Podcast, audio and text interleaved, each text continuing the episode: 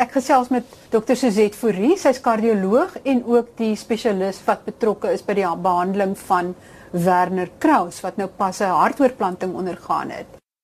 Maar Werner het 'n baie interessante rede gehad hoekom sy hart beskadig is en hoe sy hart beskadig is. Julle noem dit ischemiese kardiomiopatie. Maar hoe gebeur dit en wat is dit? Jy's reg, Marie.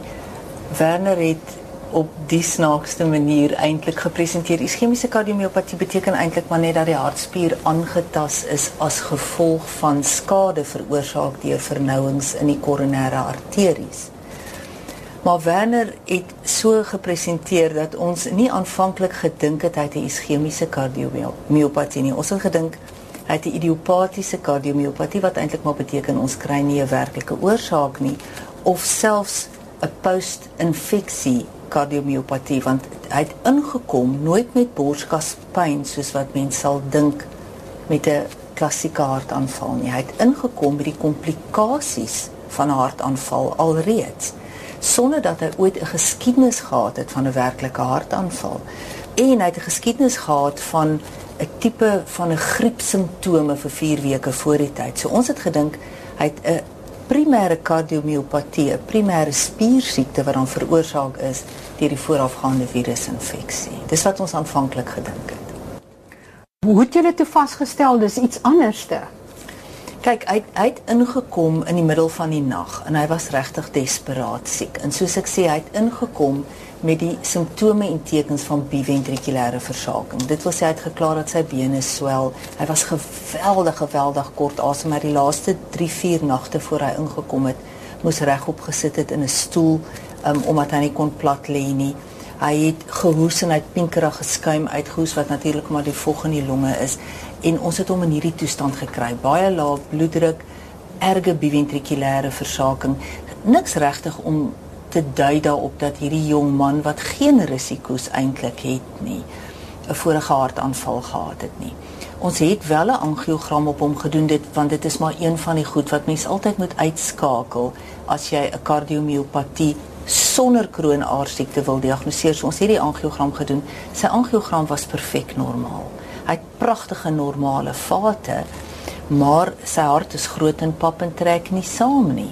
So ons het hom begin behandel as asof hy 'n uh, gedilateerde kardiomiopatie het en hy het net glad nie gerespondeer nie. Hy het net absoluut nooit gerespondeer nie. En dit was ook baie snaaks want gewoonlik sien mense daarom in hierdie ouens dat hulle stabiliseer en dan 'n bietjie beter word. Hy het gestabiliseer en ons het hom so half uit versaking uitgetrek, maar hy het nooit beter geword nie. En toe begin ek meer en meer aan hierdie ou dink en meer en meer bekommerd word. En einde ten laaste het ons 'n isotooptoets gedoen op op Werner en dit wys toe hy 'n massiewe infarksie gehad waarvan niemand ooit geweet het nie met perfekte normale koronêre arterie. Hy het vir my gesê dat hy was Milnerton toe. Dis reg. Ja. En toe hy met 'n ambulans Christian Barnard toe gekom en hy sê in die ambulans moes hulle stop. Ja. om hom te resusciteer en dat hy in ongevalle moontlik weer 'n insident gehad het. Is dit dan die hartaanvalle nee, waarvan nee, jy nee. nee nee nee. Die insidente wat hy gehad het was van sy longideem. Jy weet hy hy hy het letterlik verdrink in die in die vog in sy longe en hulle moes stop en vir hom weer ekstra suurstof gee en probeer om sy bloeddruk artificially hoog te kry in 'n poging om sy kardiale omset te verbeter. So sy hartaanval moes 'n paar dae vroeër gebeur het. Maar hy het nooit 'n geskiedenis van borskaspyn, jy weet die klassieke borskaspyn wat ons mos nou maar assosieer met met hartaanvalle. Hy het dit nooit gehad nie. Hy het wel gekla van 'n aanhoudende drukkende gevoel oor sy borskas wat hy al vir die afgelope maand gehad het, maar dis die afgelope maand wat sy simptome geduur het. So eintlik in retrospek dink ons dat hy waarskynlik sy hartaanval soveel soos 'n maand voor opname gehad het. Toe in versaking begin gaan het as 'n komplikasie van pompversaking as gevolg van die skade van die hartaanval en dit net progressief erger geword het tot hy letterlik nie meer kon uithou by die huis nie tot hy letterlik verdrink het in die vog in sy longe. Maar as mense hartaanval kry, is dit gewoonlik jou bloedvate wat vernou is en dan steek daar nou 'n stolsel of iets vas. Maar jy het nie gesien dat daar bloedvatskade of vernouing nee. is nie. dit is so. So dit moes 'n sametrekking van die Absoluut. bloedvate gewees het, maar wat laat mense bloedvate dan so in spasma gaan? Kyk, ons kan sê dit was spasma en dit kon spasma gewees het, maar daar is heelwat daar's 'n hele paar sindrome beskryf van pasiënte wat erge hartspierskade het as gevolg van 'n ischemiese insident maar met normale koronêre arteries. Daar's hele paar sindroom, sindrome in die literatuur beskryf en dit is natuurlik nou baie moeilik om by Werner in retrospek te sê watter een van hierdie sindrome hy aanbehoort. Wat natuurlik ook interessant is, is dat daar is 'n ding soos die sogenaamde broken heart syndroom, Takotsubo kardiomyopatie van pasiënte wat 'n baie spesifieke soort hartaanval kry wat eintlik net die apex van die hart betrek terwyl die basis totaal gespaar word nogal 'n bietjie soos Werner se moet ek sê nou dat ek daaraan dink en ook met normale koronêre arteries. En in hierdie pasiënte word een of ander geweldige stresor gewoonlik gesien as die rede vir hulle initiële insident en of daai stresor nou emosionele stres is of en of dit fisiese stres is maak natuurlik nou nie saak nie, maar daar is gewoonlik 'n ernstige stresor by betrokke, dan kry die pasiënte 'n werklike hartaanval wat nie die onderste punt van die hart, die apex betrek, die boonste deel word dan relatief gespaar en daai konfigurasie lyk soos 'n Japaneese octopus trap en die Japaneese woord daarvoor is takotsubo, so hulle noem dit takotsubo sindroom. Dis baie interessant. Jy sê daar's 'n paar sindrome. Kan jy dalk so een of twee van die belangrikstes net uitwys? Ja, natuurlik. Mens kry sindroom X in dames, die die spasma wat jy wat jy reeds net aangeraak het, is natuurlik ook 'n baie belangrike een. 'n Ander groot oorsaak van spasma wat ons sien is natuurlik middels. Veral ehm um, jong mense wat drugs neem, dit is ongelukkig iets wat ons veral in hierdie hospitaal geweldig baie sien en ook geweldig baie met oorseese toeriste. Jy weet die ouens kom hier, dis holiday, hulle drug and drink and have fun. En um, dan sien ons dat hulle geweldige erge spasma van die koronêre arteries het met of sonder stolsel. En hulle kom hier in met met uitgebreide infarksies. En um, dan moet mens natuurlik ook nie vergeet dat hier en daar en dit sien ons eintlik baie min. Sien ons pasiënte wat hiperstolbaar is. So hulle het normale koronêre arteries, maar hulle het hiperstolbaarheid. So hulle ontwikkel stolsels binne in normale koronêre arteries. Kon dit in sy geval ook dalk gebeur het of dit dit kon natuurlik so wees. Jy weet, soos ek sê in in retrospek is dit moeilik want vandat ons hom gesien het, was Werner op middels om sy bloed minder stolbaar te maak. So en dan is dit natuurlik baie moeilik om die toetse te doen want die middels meng in met die met die toetse wat ons doen. So in retrospek is dit moeilik, maar ons kon nooit 'n ander oorsaak vasstel nie. So op die ou einde sit ons nog steeds met 'n man wat 'n ekstensiewe infarksie gehad het, maar met normale arteries en 'n infarksie wat so sleg was dat hy nou uiteindelik hartoortplanting benodig. Ja, want dit was baie interessant hoe vergroot daai linker ventrikel is. En dit was interessant om te sien terwyl die hart daar blootgelê is hoe die twee atria en die regter ventrikel hulle bes probeer maar die te kompenseer vir hierdie linker ventrikel wat eintlik net groot en pap is en daar lê ja. en nie mooi lyk nie en ook niks doen nie. Absoluut. Ja. dis presies wat sy beeld was presies ja. dit was interessant want aanvanklik as jy die eerste deel van die hart sien dan lyk dit of hy so sterk goed. klop. Yes. ja dat dit eintlik jou misgis en as jy, jy na die hele hart kyk dan kan jy eintlik sien hoeveel skade daar dit was presies soos dit was as jy as jy ook na sy ekko kyk die die regter ventrikel is soos hulle nou op 'n mooi manier sal sê unblemished. Die atria het nou ook in die later tyd bietjie begin vergroot, hmm. maar hulle is eintlik nog oukei. Okay. Maar die linker ventrikel is net pap, jy weet, hy's net oor, is verby. Daar daar's net te min spier om nog vir hom 'n ordentlike kardiale uitwerking want dit was vreeslik uitgerek op met 'n dun wand. Absoluut. Ja. die klassieke beeld nê nee, van 'n ischemiese kardiomiopatie ek wil net vinnig terugkom na daai moontlike oorsake wat jy gesê het sekere dwelmmiddels. Is dit soos kokaine of watse ja. middel sal dit ja, wees? ja kokaine is ongelukkig die groot sondebok En um, jy weet dis dis moeilik altyd om dit vir die jong ouens te sê want hulle kyk jy so so met 'n whatever kyk aan. Dit kokain is die is die grootste sonde. En jy sien sulke gevalle. Ja, ons sien geweldig baie sulke gevalle en die probleem is die oomblik wat jy kokain meng met alkohol, dan verhoog jy jou risiko vir skielike dood dramaties. En jy weet die ouens kook nie net nie, hulle kook en drink saam want hulle sê vir my dis deel van die party scene. So jy weet dit is nie net die kokain nie, dis nog ook nog die kombinasie met alkohol. So dit, is werklik 'n groot probleem en en werklik jy weet dit is so groot probleem dat as hulle my bel van ongevalle af en sê hier's 'n jong man met 'n infarksie, dan weet ek ook wat moet ek vra? Ek vra wat sê die toksikologie skreen? En dit is invariably positief.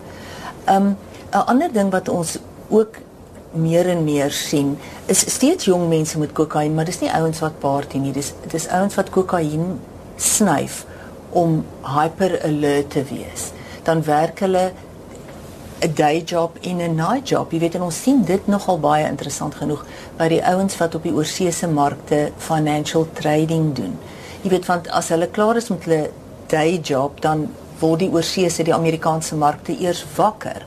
Dan moet hulle aangaan met hulle trading, maar hulle is absoluut gedaan. So dan snyf hulle kokain om hyper alert te wees sodat ek sodat hulle kan aangaan met hulle besigheid. En 3 uur in die oggend land hulle hier by ons met hulle infarksies. Hoe omkeerbaar is daai skade? Dit hang van tyd af nie. Dit hang van tyd af. As hulle vroeg genoeg by ons kom, kyk ons sleep hulle almal onmiddellik cath lab toe nie om daai are te gaan te gaan oopmaak. Want baie keer kan jy nie baie keer nie, maar baie keer kan jy vir die ouens middels medisyne spuit net gewoonlik gewoonlik intraveneus en hulle spasma en hulle stolsels kan omgekeer word. Maar in 'n in 'n persentasie van, van gevalle is dit nie omkeerbaar nie. So jy moet letterlik cath lab toe toe vat. Jy moet intrakoronêr medisyne inspuit. As dit nie help nie, weet dan dan mense so desperaat, jy probeer maar alles. Maar dit is 'n kwessie van tyd. So as die ouens hier aankom na 6 ure en die hartspier is dood, dan is die hartspier dood. Jy weet daai hartspier, daai stuk van die hartspier wat nou dood is, kan nie gered word nie. Die goeie nuus is gewoonlik rondom die deeltjie wat nou dood is wat werklik nekrose ondergaan het, is daar 'n area wat nou at risk is. So hierdie area, as jy nou weer bloedtoevoer kan bewerkstellig, sal weer gerekruut word, maar as jy nie bloedtoevoer gaan bewerkstellig nie, gaan die nekrotiese area uitbrei. So alles hang af van tyd. Alles hang af van tyd. Jy weet en, en dis hoekom ag ons probeer altyd die boodskap daar buite kry. Jy weet moenie moenie drink en druk nie, maar as jy nou regtig moet, ek weet nou nie, baie mense voel seker hulle moet. Maar dan, jy weet, as jy simptome kry, kom om Vader se naam net by hospitaal so vinnig as moontlik en kom by 'n hospitaal wat 'n cath lab het. Jy weet dit help nie jy gaan na enige ander van die goeie hospitale rondom ons wat baie goeie hospitale is, uitstekende personeel, maar dan moet jy nog steeds na 'n cath lab fasiliteit afgevoer word. Dis nog 2 3 ure want die ambulans moet gekry word. Die mense is op 'n ander kol jy weet dis tyd. So jy verloor tyd. Met tyd verloor jy spier.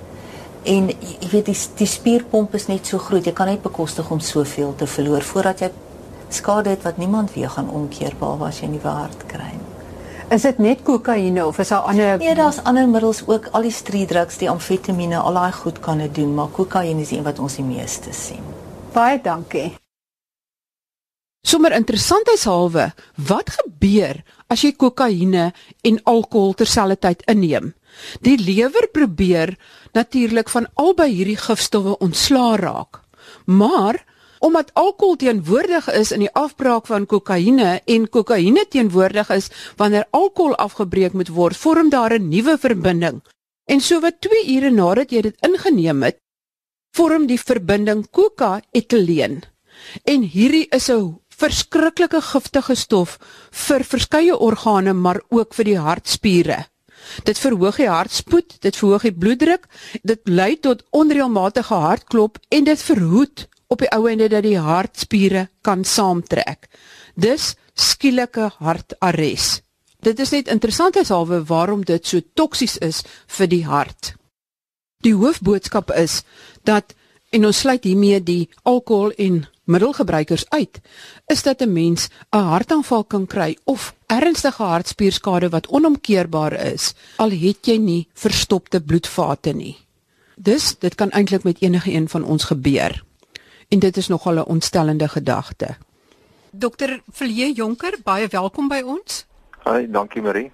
Dokter Jonker het pas op 'n 5-jarige kleuter in die Sunninghill Hospitaal in Johannesburg 'n operasie gedoen. Hy het wat hulle noem die LVAD. Dit is 'n klein kan mens sê 'n klein meganiese hart op die 5-jarige ingeplant en dit is die eerste jong kind of wie dit in Suid-Afrika gedoen is. Dokter Jonker, kan jy vir ons bietjie meer vertel wat is die LVAD en hoe werk dit? Ehm um, Marie, dit is uh die LVAD staan vir 'n uh, linker ventrikulêre assist device, is nou maar Engelse Engelse afkorting. En wat dit essensieel doen is dit ondersteun die ehm um, die hart wat nou heeltemal versaak het. So wat ons doen is ons implanteer 'n dreineringskaniele ehm um, in die linker ventrikel ehm um, apex wat dan die linker hart ontlaai van volume en dan ehm um, infuseer ons hierdie bloed in die stygende aorta. So ons bypass eintlik gedeelte van die hart. Daar's baie min wat die hart dan ehm um, werk self moet doen of self moet bydra om die pasiënt se sirkulasie te bewerkstellig. So die klein pompie neem die sirkulasie die veral van die wat deur die liggaam moet gaan, die groot sirkulasie yes, oor. Reg. Ja.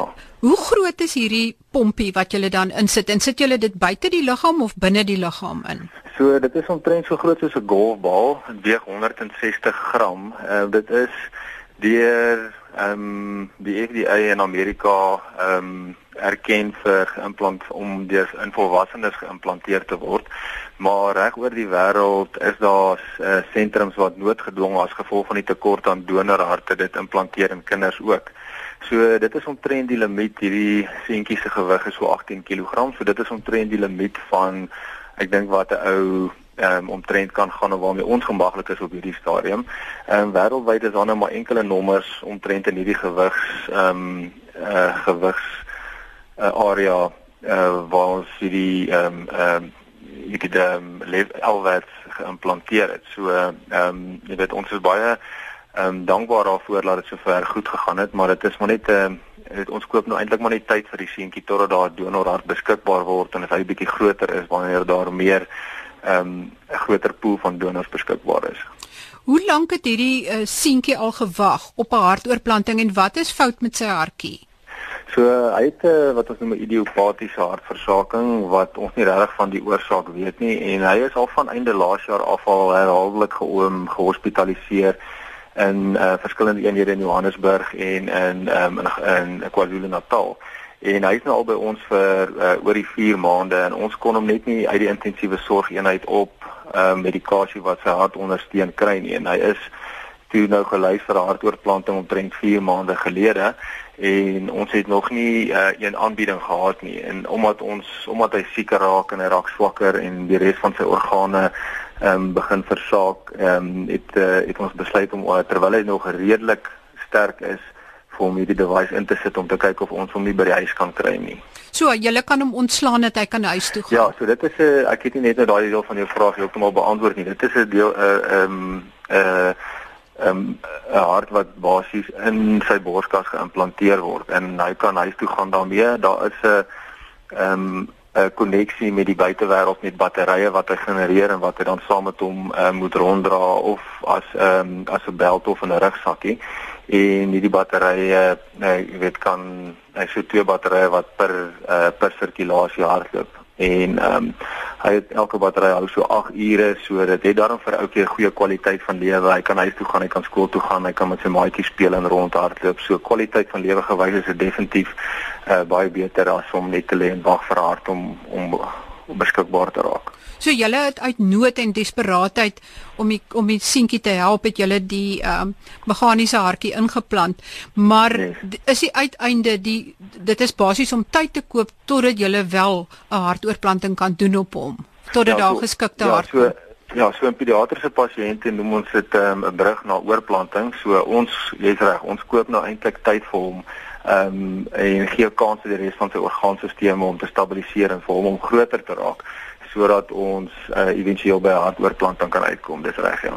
Maar aan aan die éventueel aan einde van die dag is die optimale behandeling vir hom en die enigste behandeling op hierdie stadium wat vir 'n langtermyn oorlewing gaan gee hartoortplanting. Sou jy 'n beroep doen op mense om maar liefste dink aan hierdie kinders wat wag op oorplantings as as hulle dalk in so 'n ongelukkige situasie kom dat hulle 'n kindjie verloor? Ja, kyk, dit is dit is altyd 'n uh, you know 'n geweldige traumatiese ervaring vir enige uh familie wat ehm, 'n um, geliefde en veral as dit 'n kind is, um, moet afstaan ehm um, aan die dood en ehm um, dit is waarskynlik die laaste ding wat deur 'n ouer se gedagte gaan ehm um, indien indien hulle 'n geliefde en 'n kind verloor, jy weet maar nie net vir harte nie, maar ook vir alle organe reg oor reg oor die land en ook nie net vir kinders nie. En kinders is dit nou baie meer uh, baie skaarser seker maar vir 'n verskeidenheid van uh, van redes ook al. Ehm um, so dit is dit dit sal definitief jy weet kan daar dalk 'n klein bietjie 'n hoop en lig uit so traumatiese gebeurtenisse uitkom, jy weet. Dokter Jonker, is daar ander uh, kinderpasiënte van jou wat ook wag op 'n hartoortplanting? Ja, so op die oomblik het ons nog 5 kindertjies wat wag. Ehm um, uh, vir harte, jy weet dit is van die ouderdom van 2 af uh, wat ons het tot op die ouderdom van van 8 op hierdie stadium. Uh ons het ongelukkig al reeds uh, twee kindertjies wat op die waglys was hierdie jaar uh, wat nie geïmpetitsorgaan beskikbaar gekom het nie wat ons verloor het. So dit is 'n dringende situasie, dit is 'n desperate situasie. Ehm um, jy weet maar ons uh, ons gaan nie ophou nie. Ons, ons probeer om net vorentoe te gaan en te kyk of ons nie bewus waar bewusmaking vir orgaan uh, oorplantings en vir die beskikbaarheid van hierdie nuwe modaliteite kan um, kan probeer bewerkstellig nie. Baie baie dankie Dr Jonker. Ons wens julle alle sterkte toe. Ehm um, okay. met al julle werk wat julle doen. Baie dankie. Baie dankie Marie. Dankie vir die geleentheid. Dit is aan uh, so kom ons aan die einde van gesondheid op RSG. Ek sê net baie dankie weer aan my gaste, Dr. Suzette Forrie, kardioloog verbonde aan die Christian Barnard Gedenkhospitaal in Kaapstad en Dr. Vilje Jonker, kinderhartchirurg verbonde aan die Sangning Hill Hospitaal in Johannesburg. Tot volgende week dan. Ons gesels dan oor testosteroon en testosteroonsvervangingsterapie en kan dit gebruik word as 'n verjongingsmiddel? Tot volgende week dan. Totsiens.